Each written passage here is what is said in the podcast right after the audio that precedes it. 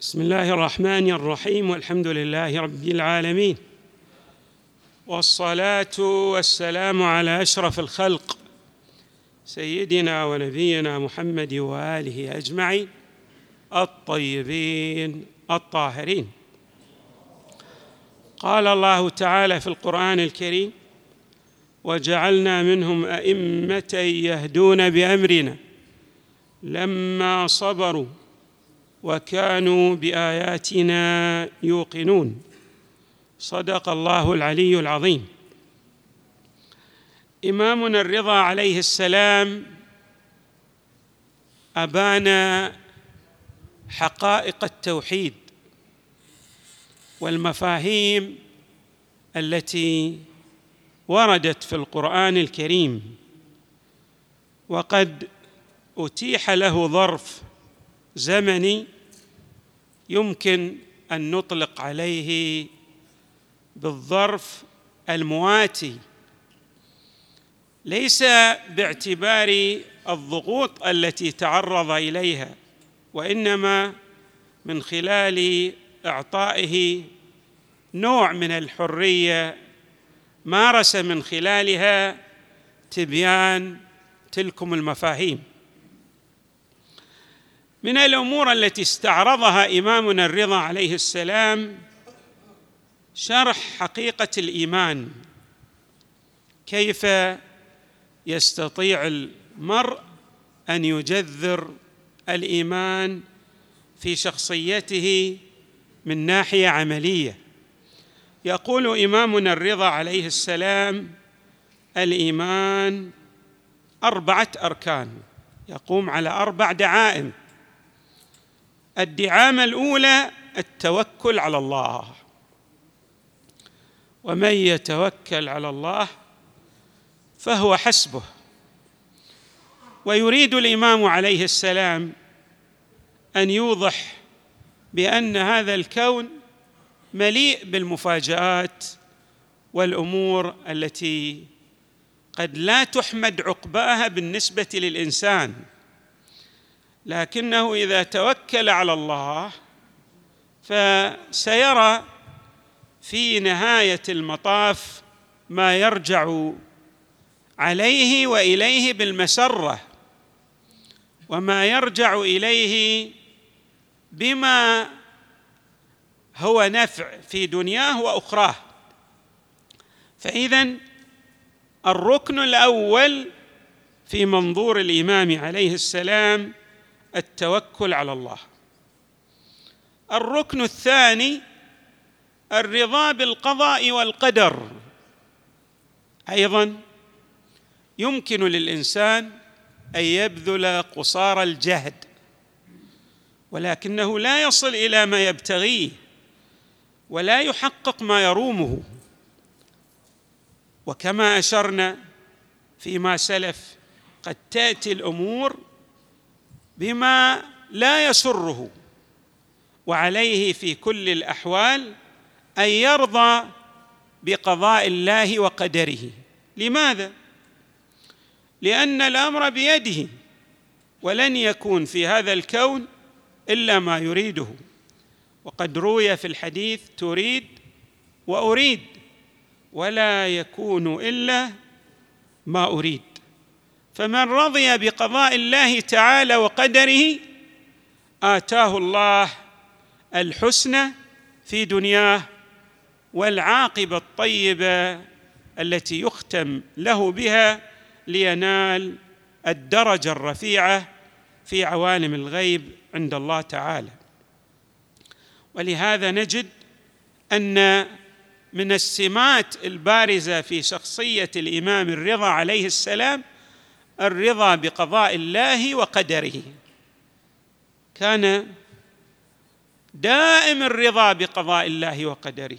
يعني لا يشكو مما يحل به لأنه يرى أن ذلك سيعود عليه بالنفع في الدارين. والأمر الآخر أيضا أو الدعامة الأخرى التسليم لأمر الله.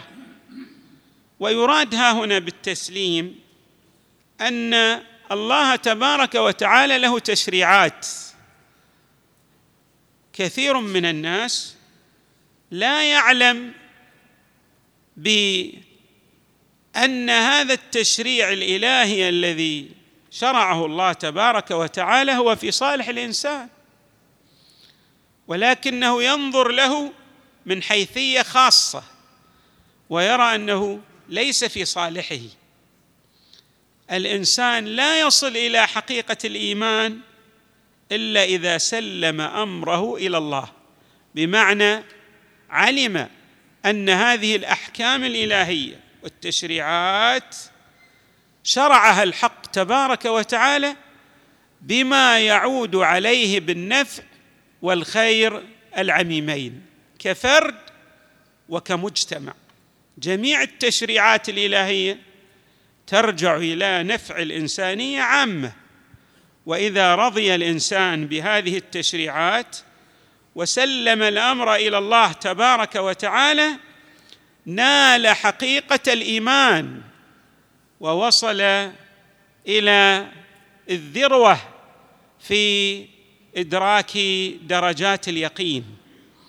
إذن الإمام عليه السلام يجعل ركنا من الأركان التي توصل إلى حقانية الإيمان التسليم لأمر الله تعالى. أيضا الإمام عليه السلام يقول والتفويض إلى الله تعالى. هنا ينبغي أن نلتفت. الإنسان يقوم بجهود كبيرة في حياته الدنيا لدنياه ولأخراه. ولكنه لا يعلم ماذا سيترتب على هذه الأعمال التي ترجع إلى عالم الدنيا أو ترجع إلى عالم الآخرة. قد يرى في أول وهلة أن هذا العمل سيعود عليه بالنفع وسيصل إلى ما يحقق آماله ولكن تأتي النتائج معكوسة تماما. من هنا لا بد أن يفوض الأمر إلى الله يعني مهما صدر منه من عمل لا بد أن يلتفت إلى أن نهاية المطاف سترجع الأمور إلى الله تبارك وتعالى. سواء بالنسبة للأعمال التي تصدر منه أو الأعمال التي تصدر من لدن الآخرين الذين قد يكيدون إليه ويقومون بأعمال ضده. يؤكد الإمام على أن دعامة أساسية وركن من الأركان التي ترجع إلى الإيمان الحقيقي للمؤمن تفويض الأمر إلى الله تبارك وتعالى. ويستشهد الإمام عليه السلام بقوله تعالى وأفوض أمري إلى الله إن الله بصير بالعباد. ماذا جاءت النتيجة؟ فوقاه الله سيئات ما مكروا. وحاق بآل فرعون سوء العذاب.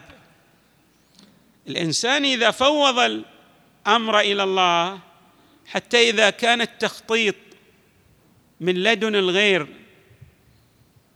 سلط عليك ولكن النتيجة في نهاية المطاف ستكون في صالحك.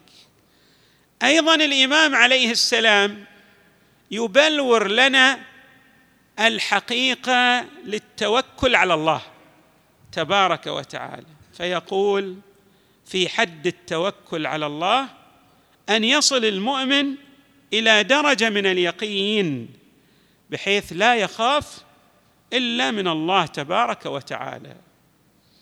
ويشير إلى ذلك ما جاء في حق الأنبياء والرسل والصالحين من العباد الذين يبلغون رسالات الله ويخشونه ولا يخشون أحدا إلا الله. يعني أن حقيقة الخوف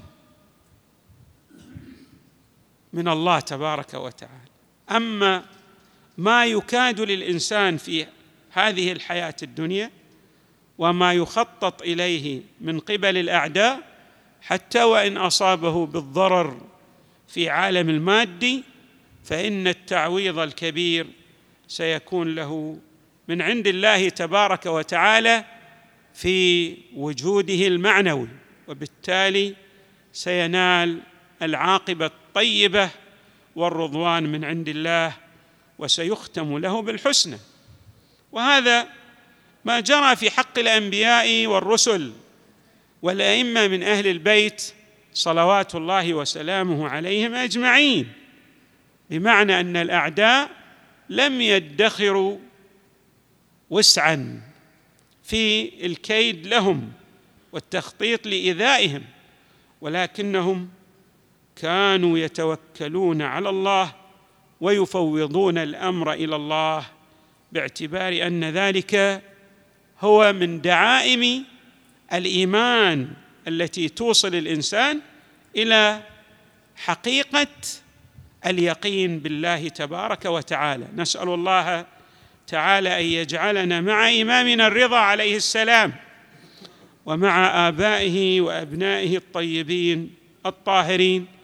وصلى الله وسلم وزاد وبارك على سيدنا ونبينا محمد وآله أجمعين. الطيبين الطاهرين.